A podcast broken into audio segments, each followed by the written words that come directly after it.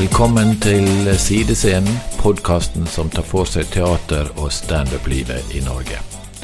Mitt navn er Knut Skodvin, og vil fortsette samtalen med Thomas Gjertsen også i dag. Nå var vi i 1995. Vi avslutta sist episode med sommerrevy på Hotell Norge med Ole Paus tekst og Thomas Gjertsen instruktør. Og de andre som var med der, det var jo f.eks. Siv Anita Andersen, Øyvind Angeltveit, Trond Høvik, det var Marit Voldsæter, Sissel Saue, det var Inger Lise Rypdal. Og Thomas. Men i denne tiden, personlig, så var det plutselig blitt litt sånn stillstand i Bergen da på Den nasjonale scene, der jeg fremdeles jobber som musikalsk leder. Vi var inn på vei inn i et sjefskifte. Tom Remlov hadde, var på vei til å avslutte sin uh, tiårige teatersjeftid der, som hadde vært både morsom og interessant, og man følte seg til de grader inkludert og viktig i det ensemblet som musikalsk leder. Jeg satt i kunstnerisk råd, og jeg skrev, og jeg arrangerte og leda, og vi hadde musikk eh, overalt. Så plutselig var det som proppen gikk ut da i løpet av uh, høsten 95 med den nye sjefen som overhodet ikke visste, viste noe som helst av interesse for å inkludere det musikalske i sitt teatrale uttrykk. Dette gjorde jo at jeg naturlig fortsatte samarbeidet med Thomas, begynte å reise litt til Oslo og var i dialog med Lompelandslaget. Og Thomas eh, var så vidt begynt å diskutere litt eh, TV-planer med TV Norge og Lasse Hallberg. Eh, og vi satte i gang, og jeg skulle produsere den neste revyen til Lompelandslaget, som ble kalt 'Snarvei to Heaven', og som skulle ha premiere på Rebekka West i februar 1996. Men før det så diskuterte jo Thomas og meg veldig mye dette med TV. Fordi at TV-virkeligheten var jo plutselig blitt en helt annen virkelighet enn det som vi opplevde før 92 med NRK-monopolet. Og vi var vel skjønt enige om at TV blir en mer og mer integrert del av kulturlivet også og underholdningslivet, ikke minst. Mitt fokus var på scenen. Det var det jeg ville drive med. På det tidspunktet der så var jo de kommersielle eh, fjernsynskanalene i full fremvekst, og da trengte man innhold. De trengte noe å fylle det med. De hadde fått mm. muligheten til å distribuere, men de hadde jo ikke noe på hjertet. De måtte ha noe mellom reklamepausene. Uh, og da var det jo å ringe til alt som kunne fylle det Eh, og gjerne unge uetablerte, ja, Det, det, tror jeg er i hvert fall en blanding. Så, eh, og dermed så fikk jo jeg ganske mange henvendelser. Og ting som jeg følte var helt uaktuelt, det føltes helt på tvers av hva jeg kunne stå for. Sånn i forhold til hva jeg skulle være med på. Jeg husker det var mange ting som føltes veldig fremmed, og, eh, og som ikke egentlig promoterte det jeg drev med, og jeg tenkte at det var direkte skadelig. Så det, jeg var ganske skeptisk og begynte egentlig å bli ganske sånn eh, lei av mye av det. Men så plutselig så dukket da Lasse Hallberg opp, eh, TV-produsenten, mm. eh, og sa han hadde et eh, format som han hadde lyst til Et TV-format som han hadde lyst til at jeg skulle se på. Det var Mandagsklubben. Ja, det var det svenske ja. han kom med da. Så sant? de hadde laget i Sverige, og med da kanskje den standuperen som jeg hadde sett på på Nora Brunn i Stockholm, og som jeg syns var mest inspirerende, uh, i form av at han var noe av Altså, han var hadde en tone som jeg tenkte at den der Der kan jeg få til noe i det mm. landskapet der. Uh, og det var det en som het uh, Lenny Norman, og så var det Claes Malmberg. Det var de to mm. som var de to komikerne. Uh, og da tenkte jeg dette det kan jeg gjøre. For det ligger så nært inntil det jeg drev med på scenen. Så da føltes det mye nærmere. Men var du begynt å gjøre klubbjobber da? Ja, ja, da hadde jeg jo begynt å gjøre masse standup. Ja. Det var derfor Lasse ringte meg. Fordi det hadde han sett. Så han ringte meg og spurte Kunne du tenke deg å se på dette her. Og så så jeg på det og så tenkte jeg Først var jeg skeptisk, for jeg tenkte at det er bare et, et annet sånn TV-tilbud som eh, jeg ikke er interessert i.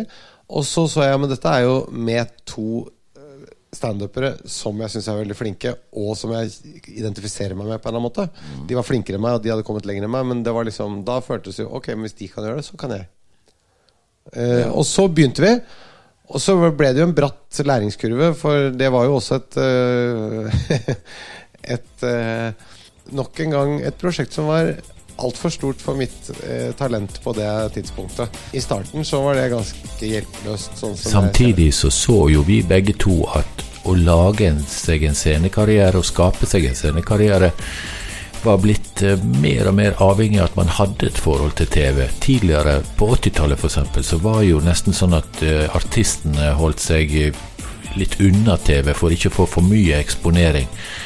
Men nå, og jeg tror skillet er omtrent eh, et eller annet sted der på midten av 90-tallet, så opplever man jo at å lage seg en scenekarriere uten å være eksponert på TV nærmest er en umulighet. Det tror jeg, det høres, høres riktig ut. Jeg husker at den første gangen da det ble Da jeg skjønte at den standupen virkelig hadde noe for seg, det var da vi hadde gjort Mandagsklubben. Vi ble tatt av lufta etter syv programmer eller noe. Som sagt, det var et eh, ganske sånn hjelpeløst program, og vi hadde få seere, og det var ikke noe stort tema. Inntil vi da plutselig ble tatt av lufta og havna på forsiden av alle avisene fordi vi ble sensurert.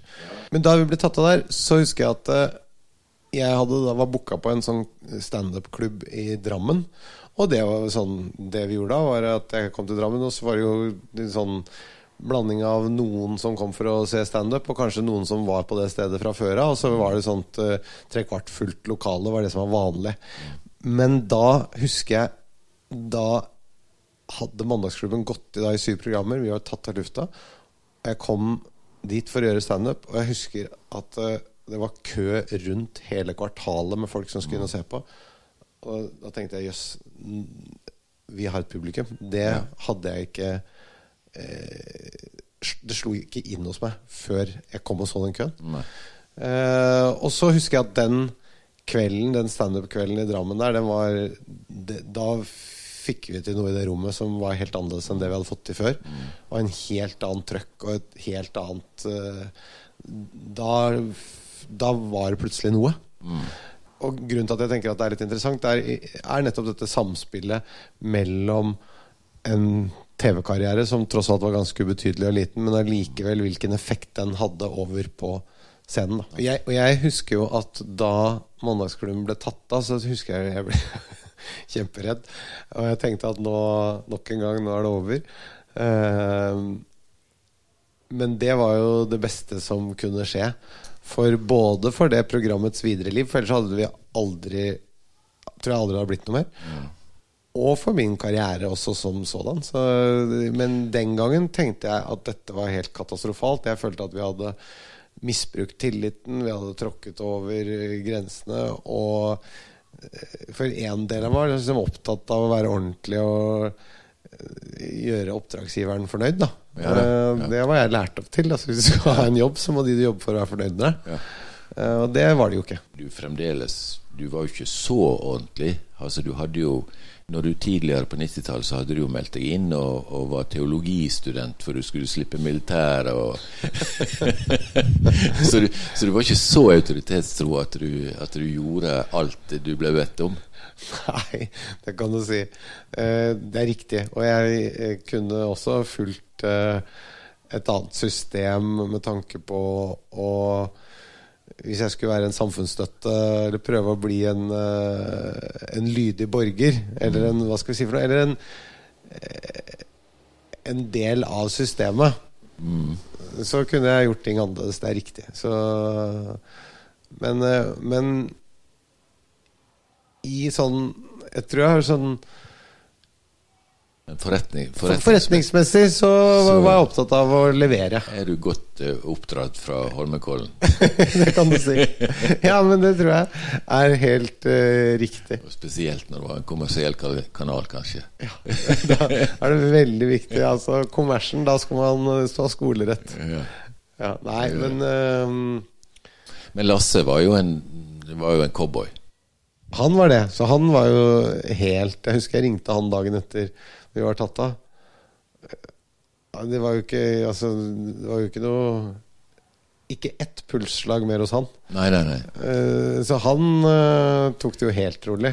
For det eh, Hva var det han hette, han svensken som han Jan Steinmann var sjef i Ja, det vet jeg, men de programmene han gjorde i Sverige Claes Malmberg og, og Claes Malmberg og Lenny Normann. Nei, og så Nei, det tenker jeg ikke på, men tidlig Han hadde òg produsert eh, åh, Å, Aschberg, Robert Ja, Aschberg. Robert Aschberg, selvsagt. Robert Aschberg. Ja. Ja.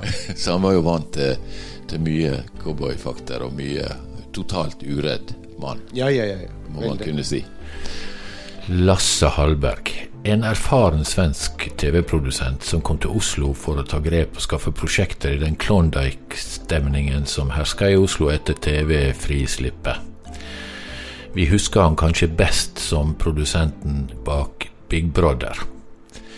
Og Mandagsklubben, det var et humorprogram som uh, kommenterer nyhetene. Ensemblet besto av en programleder, to faste komikere og to skiftende gjester. Slik sett så kan det minne litt om Nytt på Nytt i formen. Det ble sendt i tre omganger. I første omgang på TV Norge, med Thomas og Bjarte Hjelmeland som faste deltakere.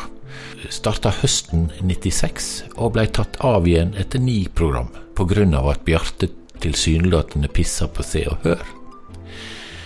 Men kronologien vår lider under hoppene i samtalen vår.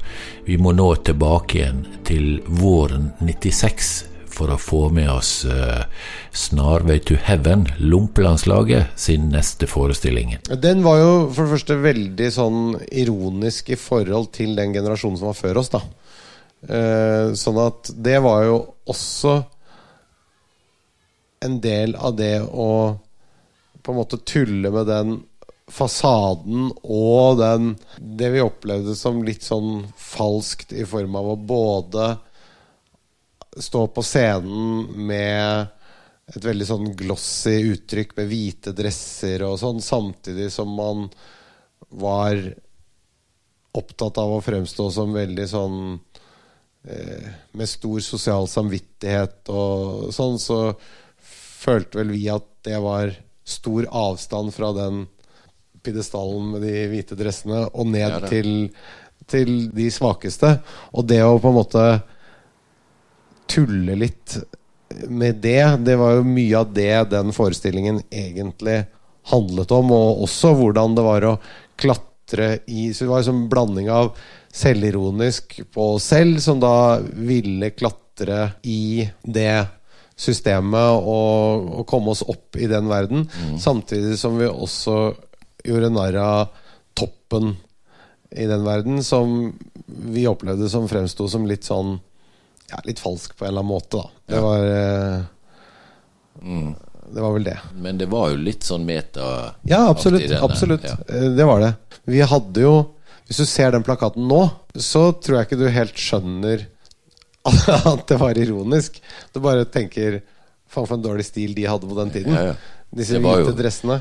Og hvite dressene, og så hadde vi lagde jo en trapp med lys i. Ja, ja, ja. Vi gjorde alt det. Vi gjorde en sånn parodi på sånn som revyen så ut og var på den tiden. Men med For et eh, yngre menneske i dag uten de referansene, så ser det bare ut som, tipper jeg, at eh, Ja vel, det var jævla dårlig stil og smart. Ja, ja.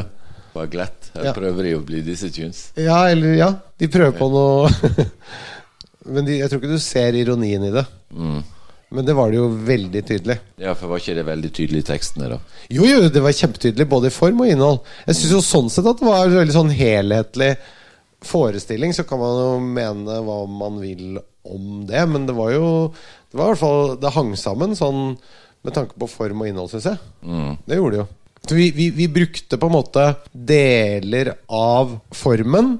Eh, også det musikalske. Trond har jo også noe tradisjonelt i den måten å skrive revyviser på, samtidig som han også eh, liksom har hatt behov for å ha en sånn avstand til eh, de voksne. Ja, da, sånn men, er det vel alltid. Men samtidig, Trond har jo òg en uh, både en tradisjonell revyvisebakgrunn, men han har jo òg et hang mot det amerikanske. Ja, nettopp. Så, og litt om lærere og sånn. Er det ikke sånn det er eh, når man er barn av noen, så, så ser du at man er deres barn, og så vil man løsrive seg, og så vil man gi litt fingeren, og så vil man mm. stå på egne bein og sånn. Og sånn var vel vi også. 'Snarvei to Heaven' ble jo en veldig fin suksess utover våren. Det kom masse folk på forestillingene. Og den etablerte Lompelandslaget som kanskje den mest eh, interessante revygruppen eh, som holdt på i denne tidsperioden. Men for deg, mandagsklubben var tatt av, men på slutten av denne perioden med Bjarte så ble Eilif, min eldste sønn, med i dette skriveteamet. Utover våren så begynte dere to så smått med det som skulle bli din største suksess på scenen.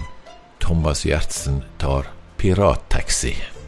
Ja, bortsett fra at vi skrev jo ikke på Thomas Gjertsen tar pirattaxi først. Vi skrev jo på Nei. Bjarte Hjelmeland-forestillingen. Eilif, altså din sønn og jeg, var jo da Eh, vår tanke var jo å skrive Vi hadde sett mye på Bill Hicks, mm. standuper, amerikansk standuper, som var veldig sånn både sånn hardtslående, men uh, og mye sånn temperament og ganske mørk og tung. Mm. Og så var tanken da kan vi skrive noe sånt materiale, standup-materiale, og så kunne vi sette opp det og finne en som kunne fremføre det. Og det var tanken at det skulle Bjarte Hjelmeland gjøre. Ja. Men så ganske fort Jeg vet ikke hva din hukommelse av dette er, men, men min Sånn som jeg husker det, så var det en litt sånn dårlig idé, fordi at eh, det å skrive på den måten og så, frem, og så skulle få noen andre til å fremføre det som ikke helt hadde den stemmen inni seg, mm. det var egentlig ikke en god idé. Det var litt Nei. sånn en illusjon. Ja. Uh, så jeg husker jo at vi begynte å jobbe med Bjarte. Og delvis så var han ikke eh, komfortabel med å si det vi hadde skrevet. Om han syntes det var dårlig, eller om han var politisk uenig, det vet jeg ikke. Eller, men kanskje var det en blanding. Men, altså for han likte jo å framstå offentlig som en litt sånn uh, politisk korrekt uh, på venstresiden på den tiden. Ja, og, og det, det var Den posisjonen var ikke den vi ønsket å bekrefte med det materialet. Nei. Så eh, begynte vi da å skrive, og etter ikke så lenge så bare ble ikke det noe av. Mm. Og Bjarte trakk seg. Mm. Og så sa jeg vel du og Eilif at eh, Ja, men kan ikke du gjøre det til Thomas? Og så måtte vi jo bare snu om på en del av tonen og noen av de tankene vi hadde. For det var jo det var jo en stemme og et uttrykk som var ganske langt unna mitt, mm. sånn formmessig. Men vi kunne jo gjøre vår versjon av noe av det samme budskapet. Og så begynte vi med det. Mm. Og, men det, på det tidspunktet så husker jeg jo at vi satt på Grünerløkka i leiligheten min der, og ja. vi satt og så på hvor mye potensial har dette, hvor stort nedslagsfelt har en sånn type forestilling. Mm. Og da satt vi og vurderte Du mente at vi skulle klare 5000 mm. solgte billetter. Jeg sa vi må sette opp en kolonne for 2000, for det kan hende at det ikke kommer flere enn 2000. Ja, og så satte vi opp en drømme et drømmescenario på 7000 mm. publikummere. Husker du det? Ja da. Det, det jeg husker veldig godt det. det var de tre kolonnene. Um, og så ble det jo helt annerledes. Da var vi jo i, allerede i kontakt med, med Kjetil Bang-Hansen. Ja. Som jeg hadde jobbet med i Bergen. Og du hadde en viss kontakt med Kjetil. Jeg vet iallfall han kjente til begge oss. Det er riktig, men det var fordi at jeg hadde på, eh, Rett før der så hadde jo jeg tatt sånn bijobb som regiassistent for Kjetil Bang-Hansen. Det var da dette skjedde, ja. ja. Så, så, jeg var regiassistent for Kjetil Bang-Hansen, og det var jeg først på én produksjon, og så sa han til meg Har du lyst til å være det nå over en periode her? Fordi Som et alternativ til å gå på teaterskolen som, på, mm. på regilinjen på teaterskolen, mm. så kan du heller være her, og så kan du jobbe som regiassistent hos meg. Mm. Og følge meg i eh, noen produksjoner. Og så kan, du, så kan vi runde av det med at du setter opp en produksjon, og så kan jeg være regiassistent for deg. Så blir det en sånn slags eksamen. da Ja. Det var liksom tanken. Men parallelt da så hadde jo da eh, Han var da teatersjef på Oslo Nyteater. Og hadde da fått ansvaret for Sentralteatret.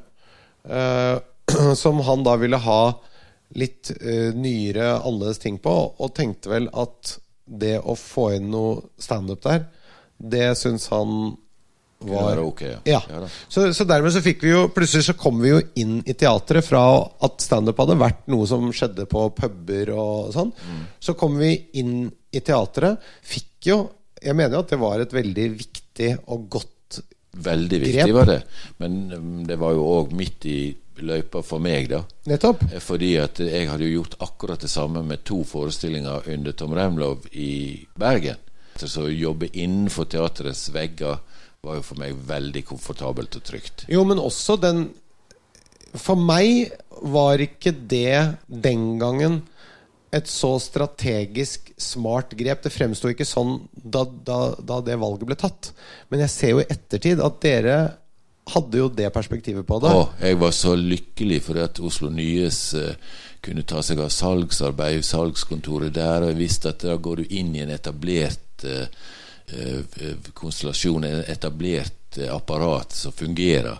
En ting var det infrastrukturen, men en annen ting var jo også den legitimiteten forestillingen fikk. Ja da. Fordi at da plutselig så ville jo det etablerte teaterpublikummet, som aldri ville beveget seg inn på en standup-pub Mm. eller på en uh, hva som helst klubb og se på standup, de ville jo aldri gått og sett på. Nei. Men plutselig, når dette kom i programmet til teatret, så var det plutselig en eh, som hadde kommet fra puben, som visstnok da i deres øyne tydeligvis måtte være kvalifisert eh, fra teatrets side, og dermed så kunne de gi det en sjanse.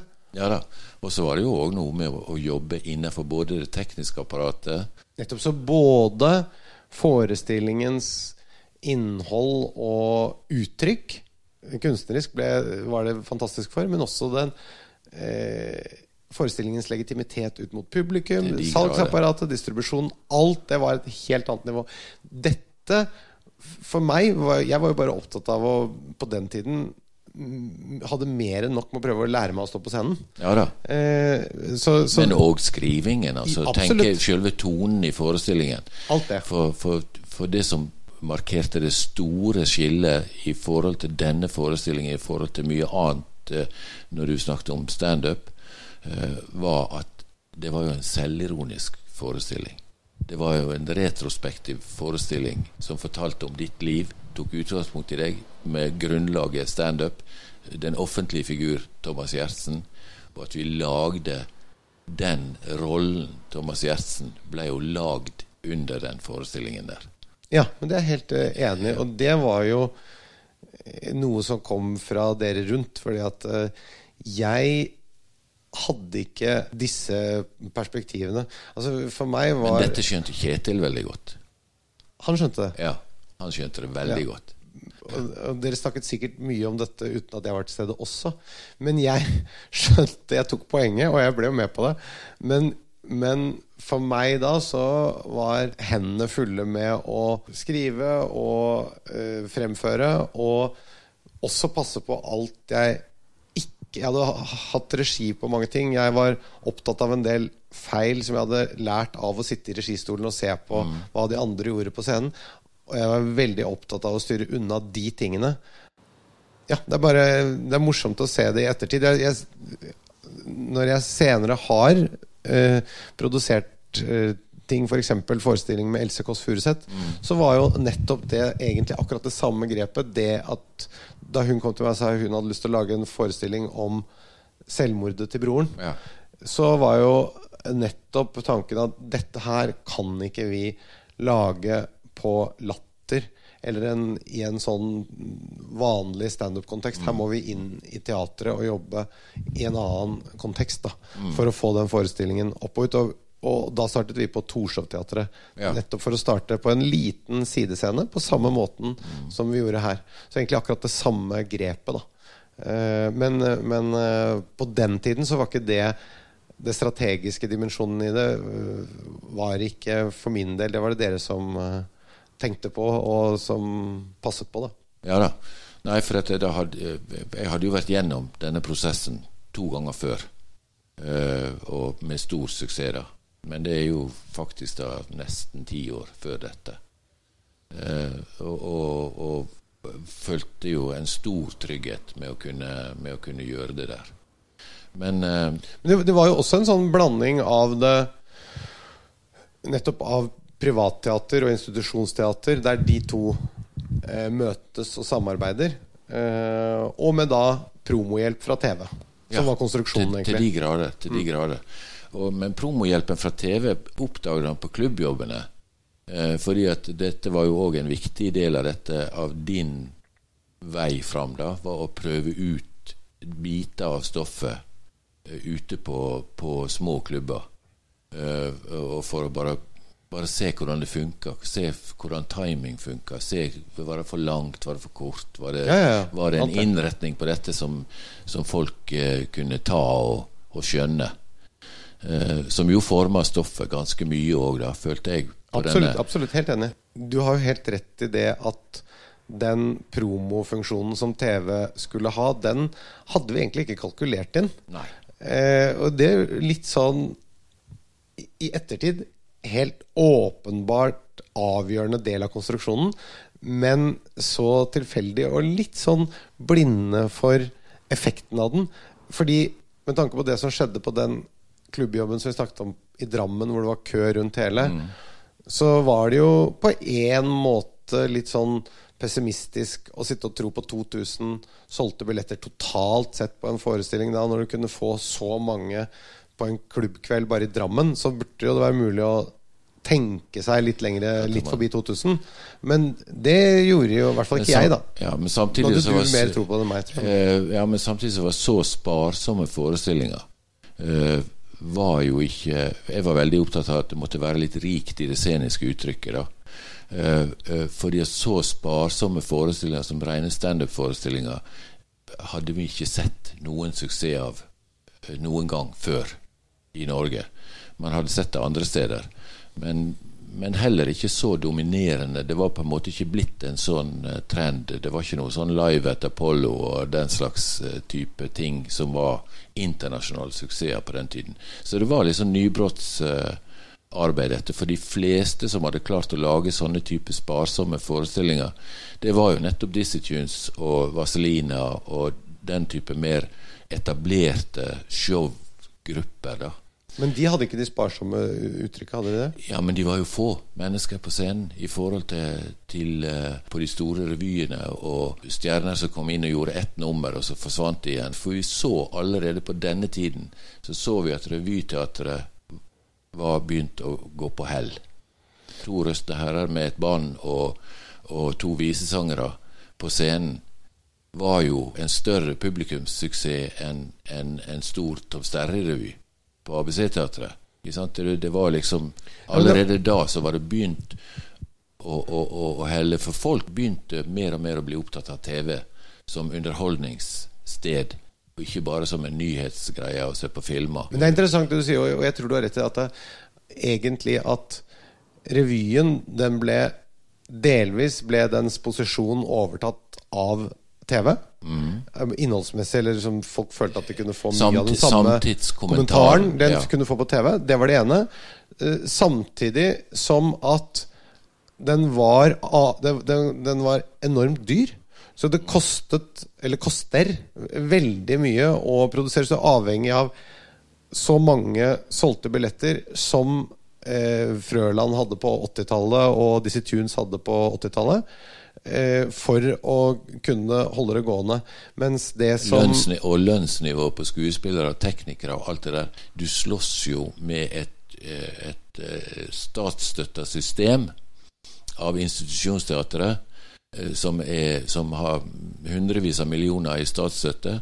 Og dermed så går lønningene opp. Alle de tekniske funksjoner, alt mulig sånt noe, hadde jo steget noe vanvittig siden 1970- og 1980-tallet, som gjorde at revyen i det hele tatt eh, blei altfor dyr, egentlig, til å kunne klare uten, et, uh, uten en subsidie.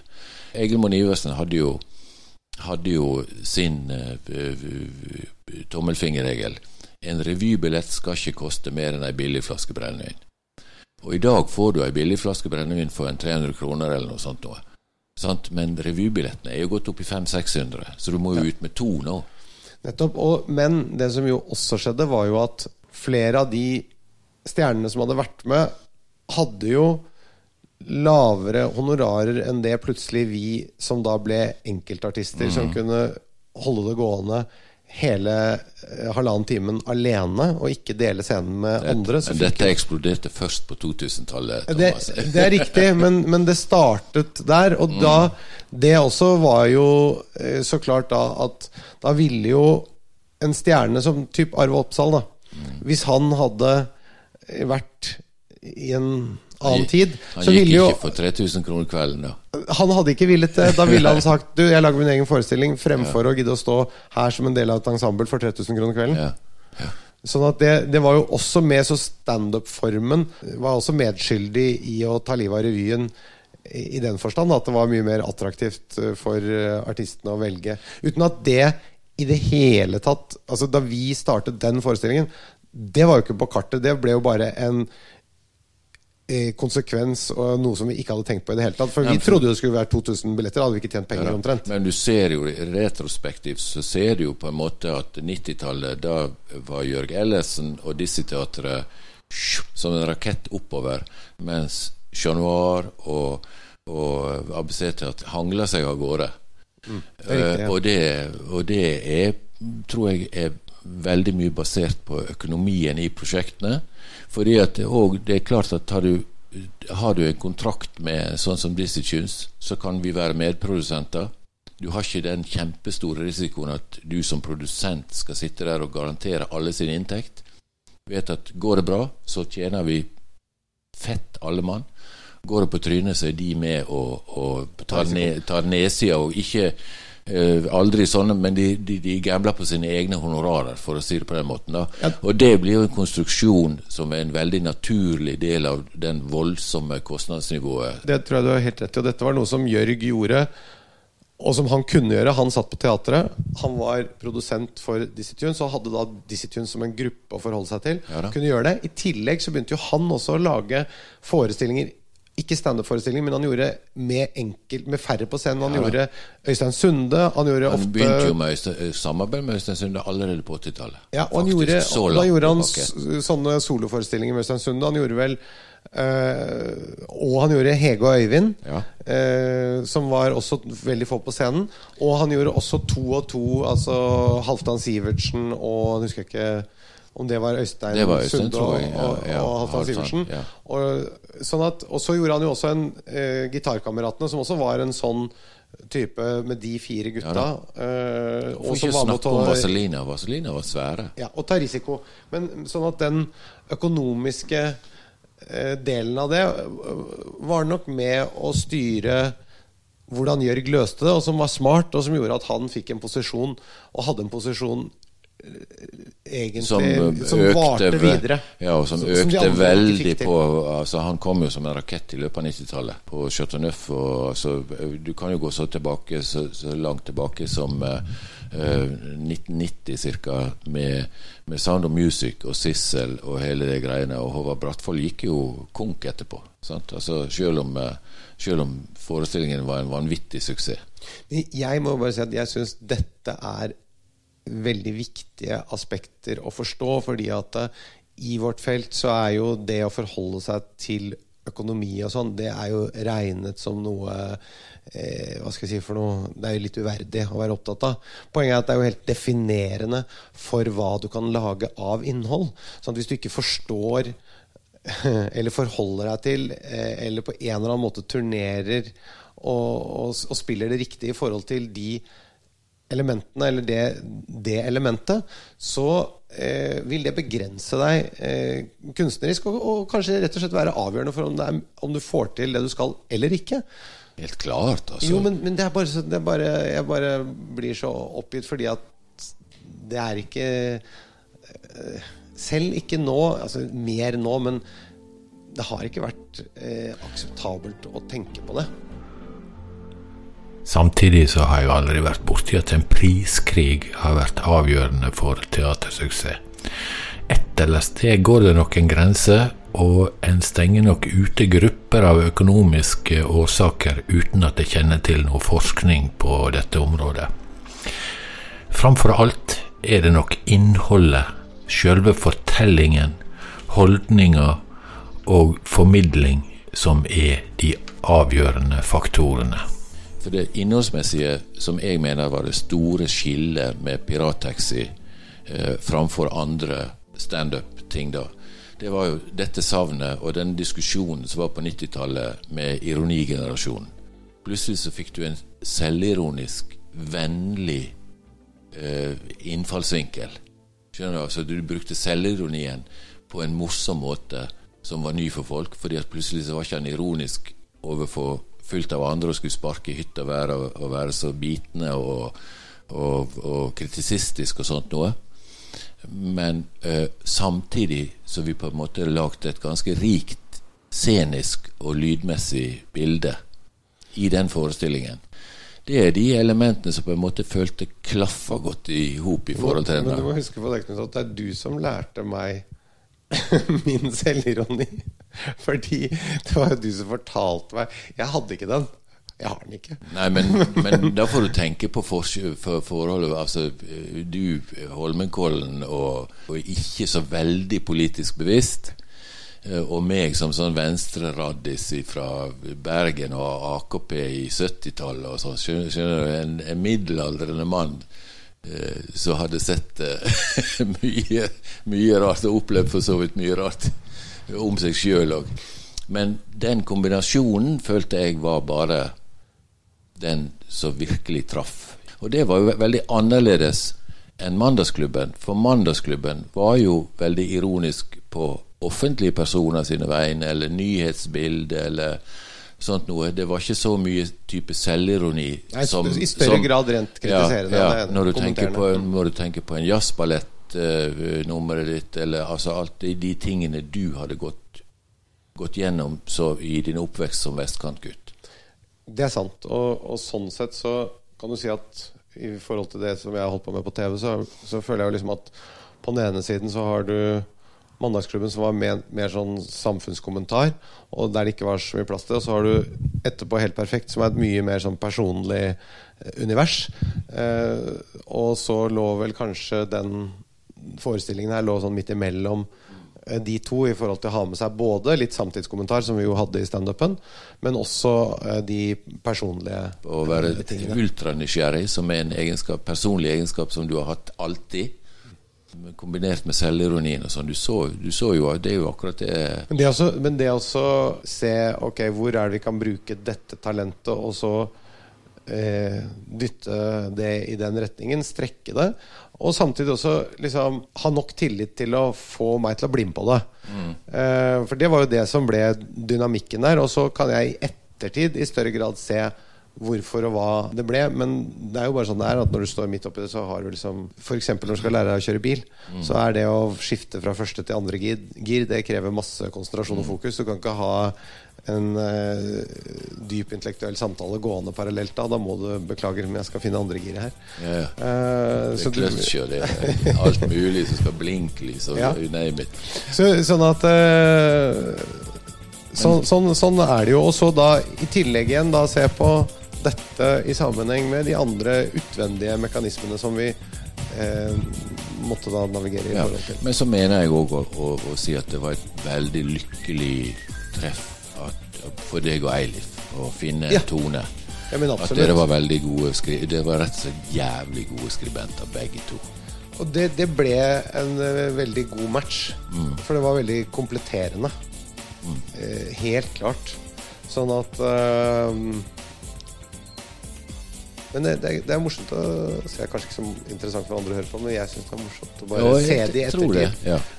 hvordan noe var bevisst strategisk, og noe var eh, tilfeldig styrt og klaffa. Og jeg, jeg tror liksom man, man, har en tendens til å liksom tenke at alt var bevisst, og sånn er det jo ikke. Man, sånn er det på lurer, ingen måte. Man lurer seg selv litt til å tro at, at eh, ja, men det gjorde vi for det sånn og sånn. Nei, det gjorde vi fordi vi ikke visste, eller fordi vi var redde for ditt eller datt. Ja, og fordi tilfeldighetene ja, ja, rett og slett ja. datt inn. Og, og, så måtte man jo bare spille med. I 1996 så begynte jeg å jobbe sammen med Ole Morken. Altså Det var bare en klaff med kjemi, og han er jo eh, sosionom av yrke, men er jo et salgsgeni av de sjeldne, som klarte å lage en, en type pakke ut av dette etter at vi var ferdig med Sentralteatret. da. Og det følte jeg var det fjerde hjulet som kom på den vogna. For å eh, kommersialisere det? Ja. Og der tenker jeg at vi kan avslutte for i dag.